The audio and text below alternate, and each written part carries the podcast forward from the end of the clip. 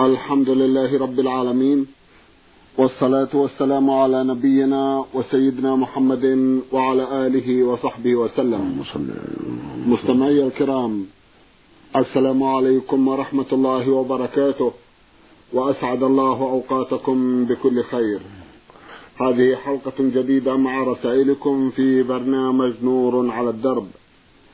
رسائلكم في هذه الحلقة نعرضها على سماحة الشيخ عبد العزيز ابن عبد الله بن باز الرئيس العام لإدارات البحوث العلمية والإفتاء والدعوة والإرشاد.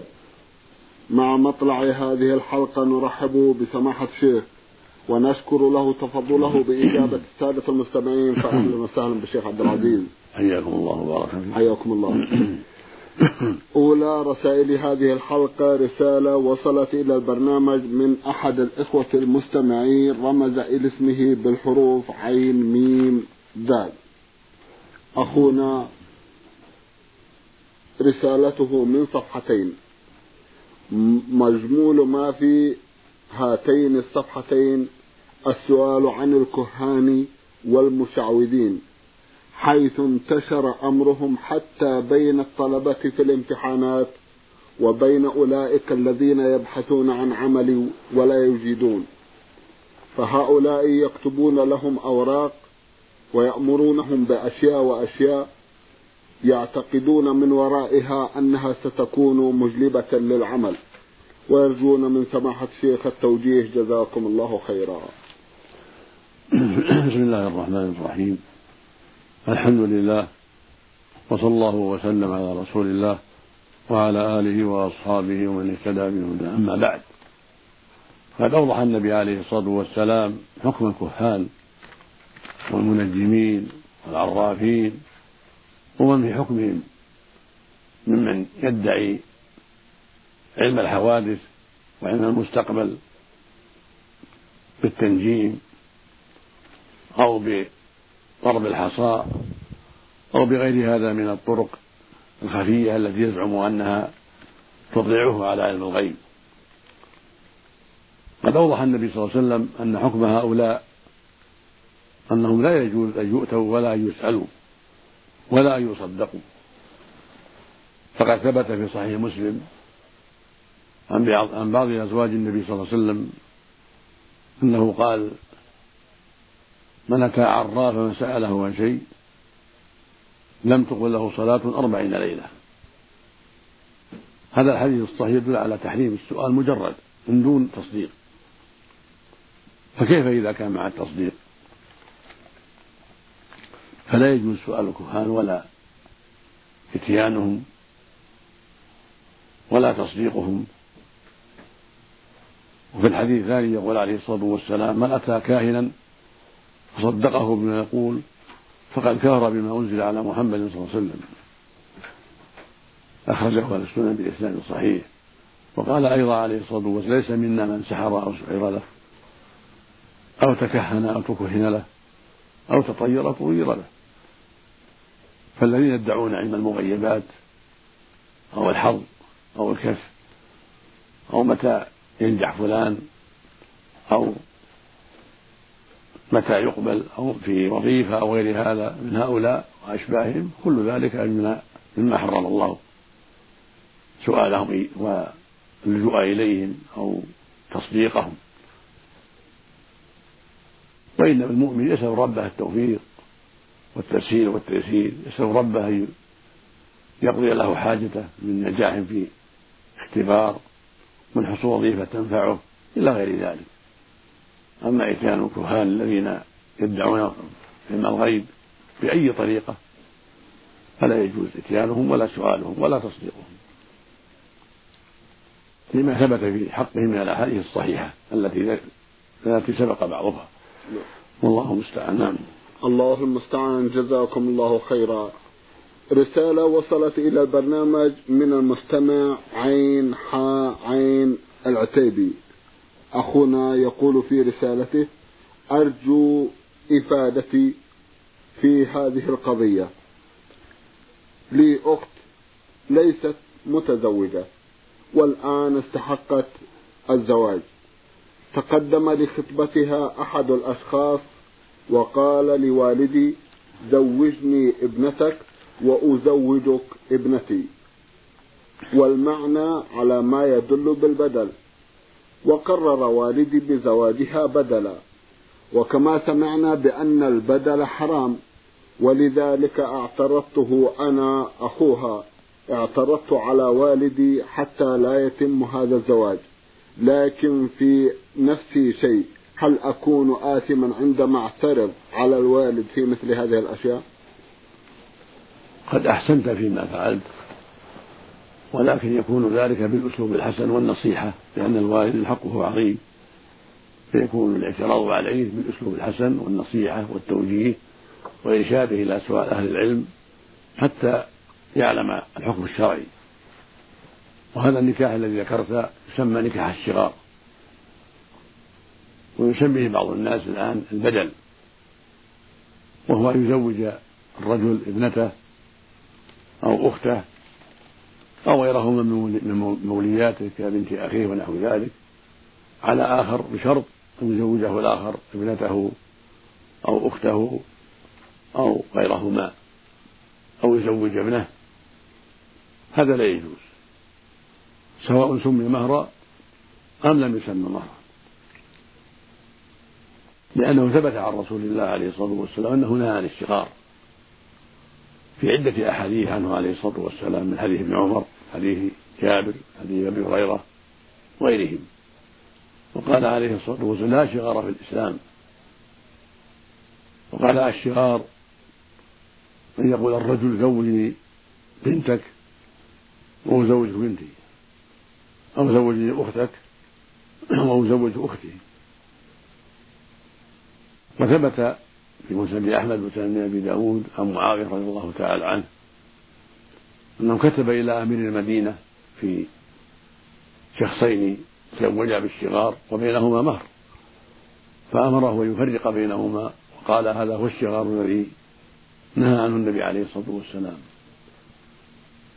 قد ذهب بعض أهل العلم إلى أنه إذا كان هناك مهر كالمعتاد فليس بشغار ولكنه قول مرجوح وضعيف والصواب أنه شغار مطلقة سواء كان فيه مهر أم لم يكن فيه مهر إذا كان كل واحد شرط على الآخر التزويج زوجني وأزوجك أو لا أزوج حتى تزوجني.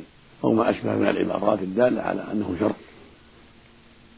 أما إذا خطب منه ووافق ثم خطب الآخر ووافق من دون مشارطة فلا حرج في ذلك. الممنوعة المشارطة وأن هذا لا يزوج هذا إلا بشرط تزويجه موليته موليته. وهذا فيه فساد كبير. من ذلك أنه جعل وضع هذه شرع مهرا لهذه هذا هو المعنى في الحقيقة. ومن ذلك أنه يفضي إلى إجبار النساء وظلمهن من أجل مصلحة الولي من أجل ذلك ومن, ومن ذلك أنه يفضي إلى خصومات كثيرة ونزاع كلما حصل بين هذا بين هذه وزوجها شيء حصل بين الأخرى وزوجها شيء. وهذا يفضي إلى مفاسد لا تنتهي. فمن حكمة الله عز وجل ومن إحسانه إلى عباده ومن رحمته لهم أن حرم هذا العقد. فالواجب على أهل العلم وعلى كل مسلم أن يحذروا الناس من هذا العقد وأن يمتثلوا أمر الرسول عليه الصلاة والسلام في ذلك وفيما أحل الله غنية وكفاية عما حرم الله. نعم. جزاكم الله خيرا. المستمع سين عين ميم لام من الحبشة مقيم في مدينة جدة بعث برسالة يقول فيها لقد تعلمت في بلدي الحبشة بعض العلوم الدينية ولكني لا أعلم صحتها خاصة فيما يتعلق بالعقيدة إذ تتخللها بعض التهويمات الصوفية. أدركت هذا بعد قدومي إلى هذا البلد. أرجو توجيهي. جزاكم الله خيرا. العقيدة أهم الأمور. وهي أصل الدين وأساس الملة. وهي التي بدأ بها الرسل عليهم الصلاة والسلام أممهم. وبدأ بها نبينا صلى الله عليه وسلم أمته. فمكث في مكة. بعد النبوة عشر سنين يدعو إلى توحيد الله والإخلاص له والإيمان بأسمائه وصفاته وأنه رب العالمين وأنه الخلاق العليم وأنه مستحق العبادة. وكانت العرب تعرف أن الله رب العالمين وأنه خالقهم ولكنهم يتخذون معه الأنداد والآلهة من الشجر والحجر والأصنام وبني آدم والجن وغير ذلك. بين لهم صلى الله عليه وسلم أن العبادة حق الله وحده وأن الواجب عليهم إخلاص العبادة لله وحده. وقال يا قوم قولوا لا إله إلا الله تفلحوا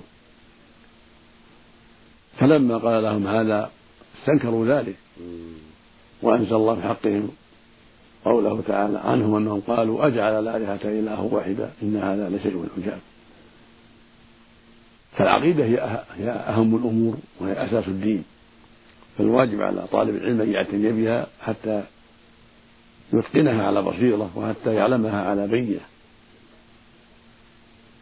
والخلاصة في ذلك أن الذي عليه أهل السنة والجماعة والذي بعث الله وهو الذي بعث الله به الرسل وبعث به خاتمه نبينا محمد عليه الصلاة والسلام هو الإيمان بالله وحده وإخلاص عبادته جل وعلا.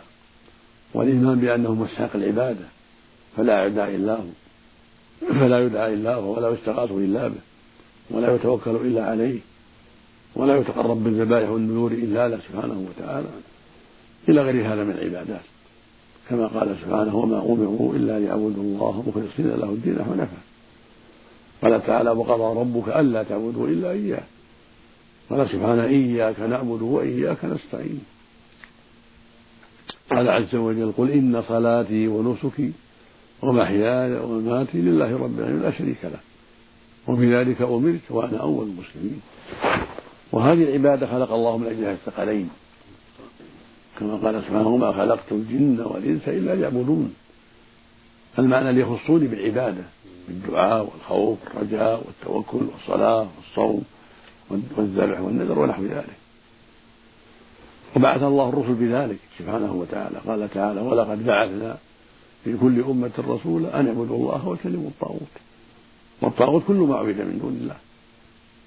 قال سبحانه وما أرسلنا من قبلك من رسول إلا نوحي إليه أنه لا إله إلا أنا فاعبدون. فالتقرب إلى أصحاب القبور بالذبائح أو بالنذور أو بالدعاء أو طلب الشفاء أو المدد هذا من الشرك بالله عز وجل. هو يناقض قول لا إله إلا الله. فالواجب على المسلمين أن يعبدوا الله وحده وأن يخصوه بدعائهم وخوفهم ورجائهم وذبحهم ونذرهم وصلاتهم وصومهم ونحو ذلك. أما الأموات المسلمون يدعى لهم بالمغفرة والرحمة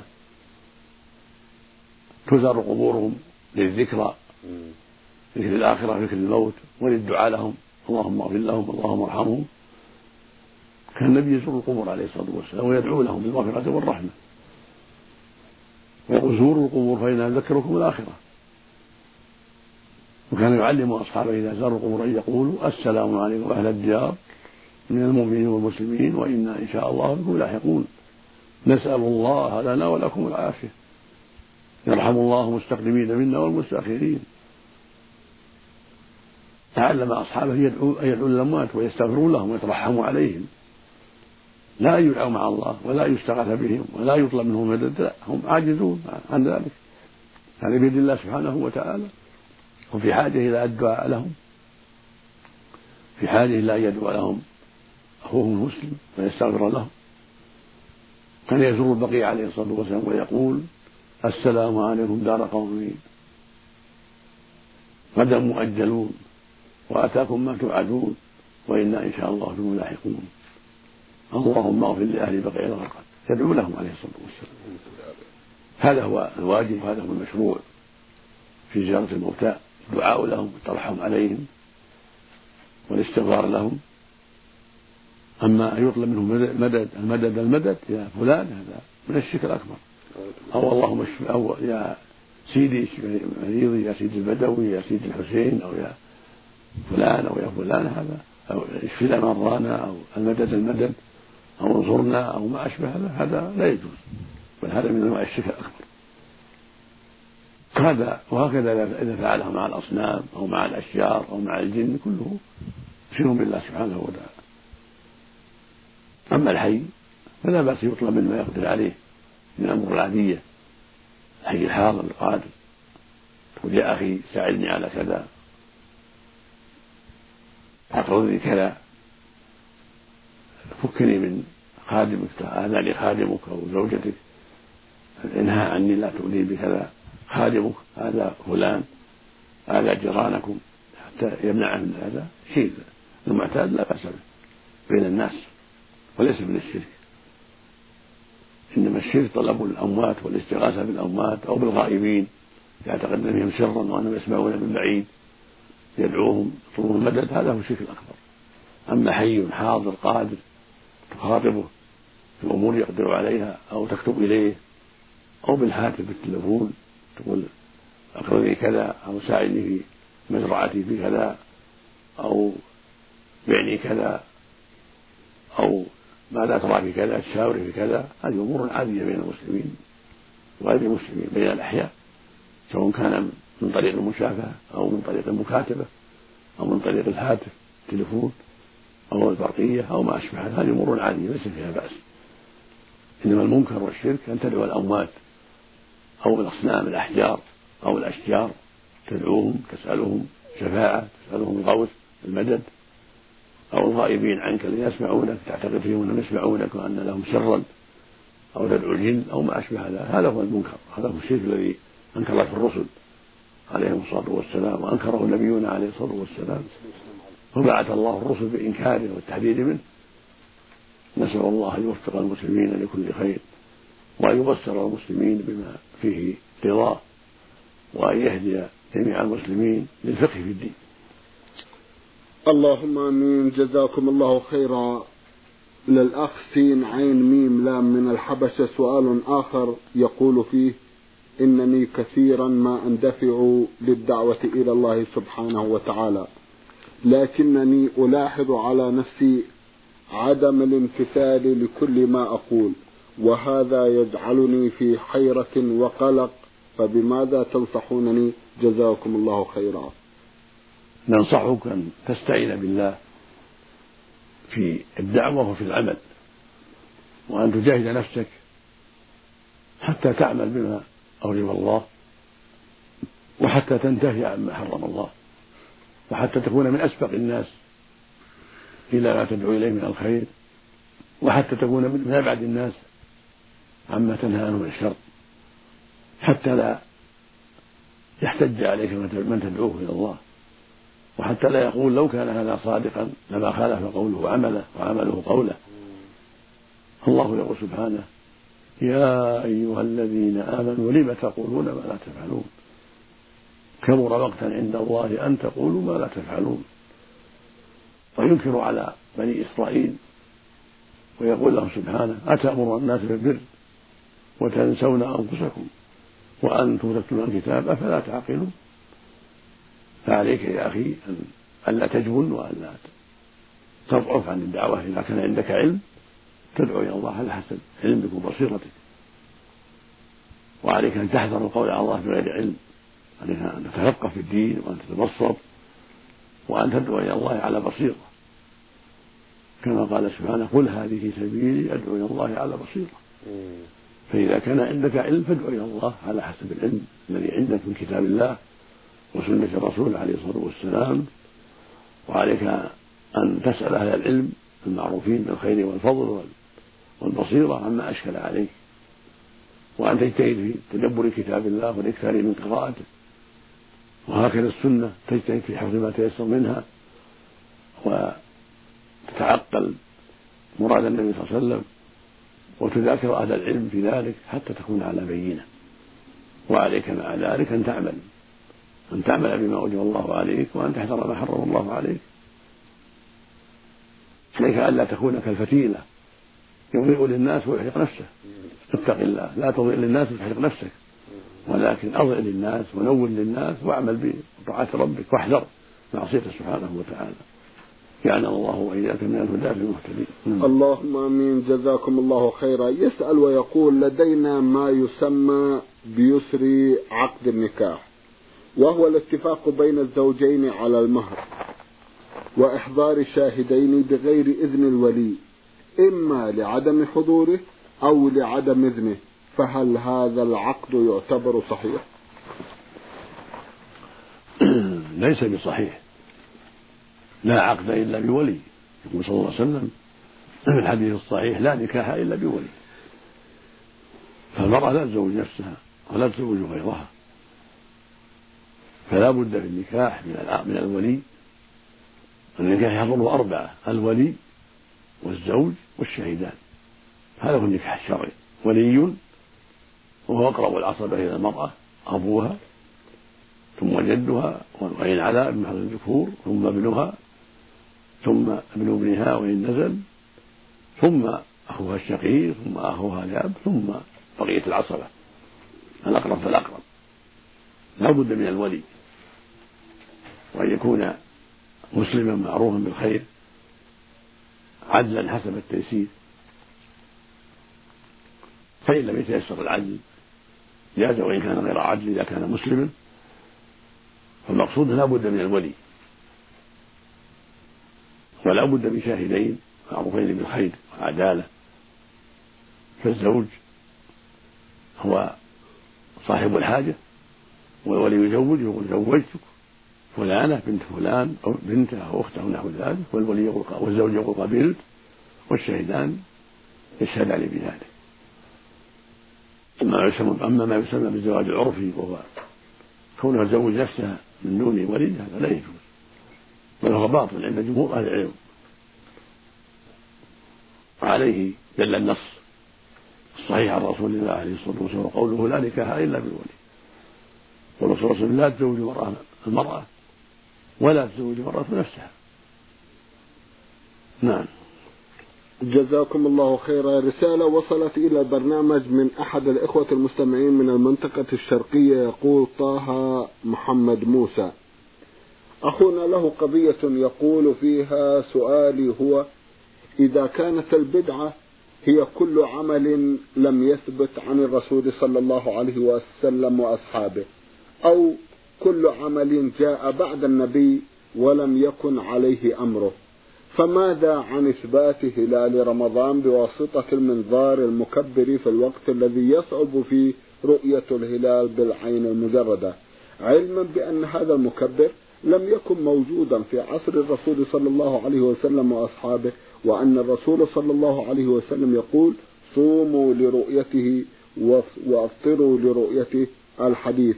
ثم أليس المقصود هنا الرؤية بالعين المجردة؟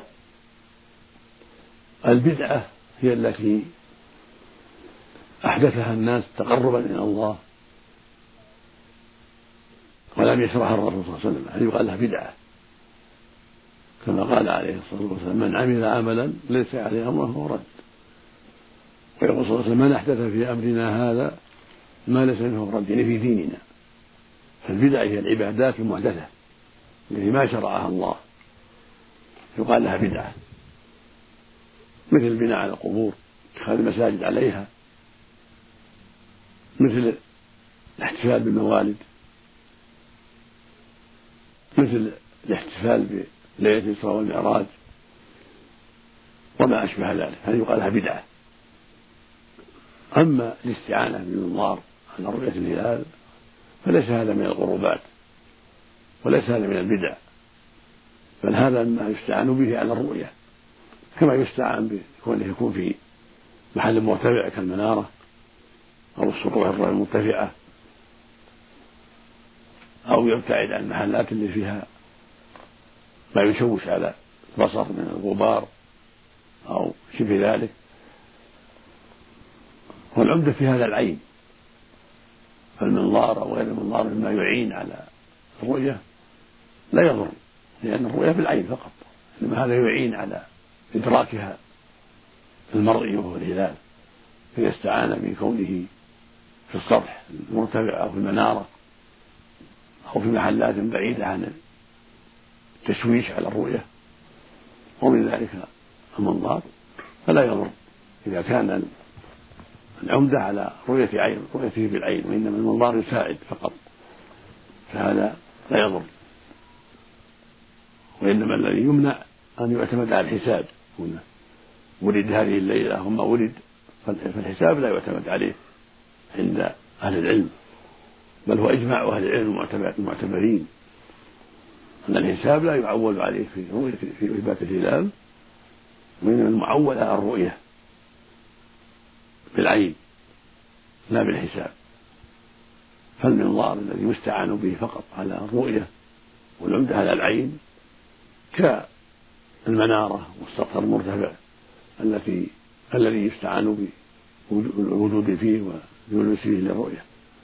والله ولي التوفيق. جزاكم الله خيرا. إذا البدعة هي ما كان له صلة مباشرة بالعبادة. نعم. أما ما يتعلق بالعادات أو بالدنيا نعم. ولو كان بعد النبي صلى الله عليه وسلم كالسيارات والطائرات والتليفون وأشباه ذلك والقطارات هذه لا تسمى بدعة. من حيث من حيث الشرع. وإن سميت بدعة من حيث اللغة لأنها جديدة. جزاكم الله خيرا. يسأل ويقول ما حكم من يعتمد في رؤية الهلال على العين المجردة إذا كانوا من أهل البادية؟ وهم يقومون في ليلة تحري الهلال ذكورا وإناثا كبارا وصغارا فينظرون عند غروب الشمس حتى مغيب الشفق فلا يرون الهلال مهما كانت السماء صافية. ثم يفاجؤون في منتصف الليل أنه قد ثبتت رؤية الهلال وذلك في وسائل الإعلام مثلا. توجيهكم شيخ عبد العزيز حول هذه القضية. جزاكم الله خيرا. متى ثبت أنه رؤي بشهادة الثقة؟ وجب الصوم على من بلغه ذلك في المملكة المعينة مثل السعودية مثلا. أو في أي دولة أعلنت الهلال على الوجه الشرعي. برؤية الهلال بالعين فإنه يلزم أن يصوم أولئك البادية وإن لم يروه فإن البصر يختلف ومعرفة محل الهلال والتحديد عليه تختلف بالنسبة إلى الناس. فليس كل من تراءى يعرف محله وموضع وجوده حتى يركز عليه. وليست الأبصار على حد سواء بل هي مختلفة. فإذا ثبتت رؤيته عند غيرهم وجب عليهم أن يصوموا. إذا كانت الرؤية معتبرة كالآلهة من هذه الدولة أو من دولة تعتمد على الرؤية لا على الحساب فإن الواجب اتباع ذلك وأن يصاب بالرؤية. وإن كان أولئك البادية مثلا أو القرية أو المدينة لم يروا. لأن النبي عليه السلام قال صوموا لرؤيته وأفطروا لرؤيته. فإن غم عليكم فأنتم عدة ثلاثين. فإن شهد شاهدان فصوموا وأفطروا. فاعتمد عليه الصلاة والسلام على الرؤية بالشهادة من دون حاجة إلى أن يراه الجميع بل متى شهد؟ شاهدا كفى بل شاهد واحد ثقة يكفي. قال ابن عمر رضي الله عنهما تراءى الناس الهلال فأخبرت النبي صلى الله عليه وسلم رأيته فصام وأمر الناس بالصيام عليه الصلاة والسلام. نعم.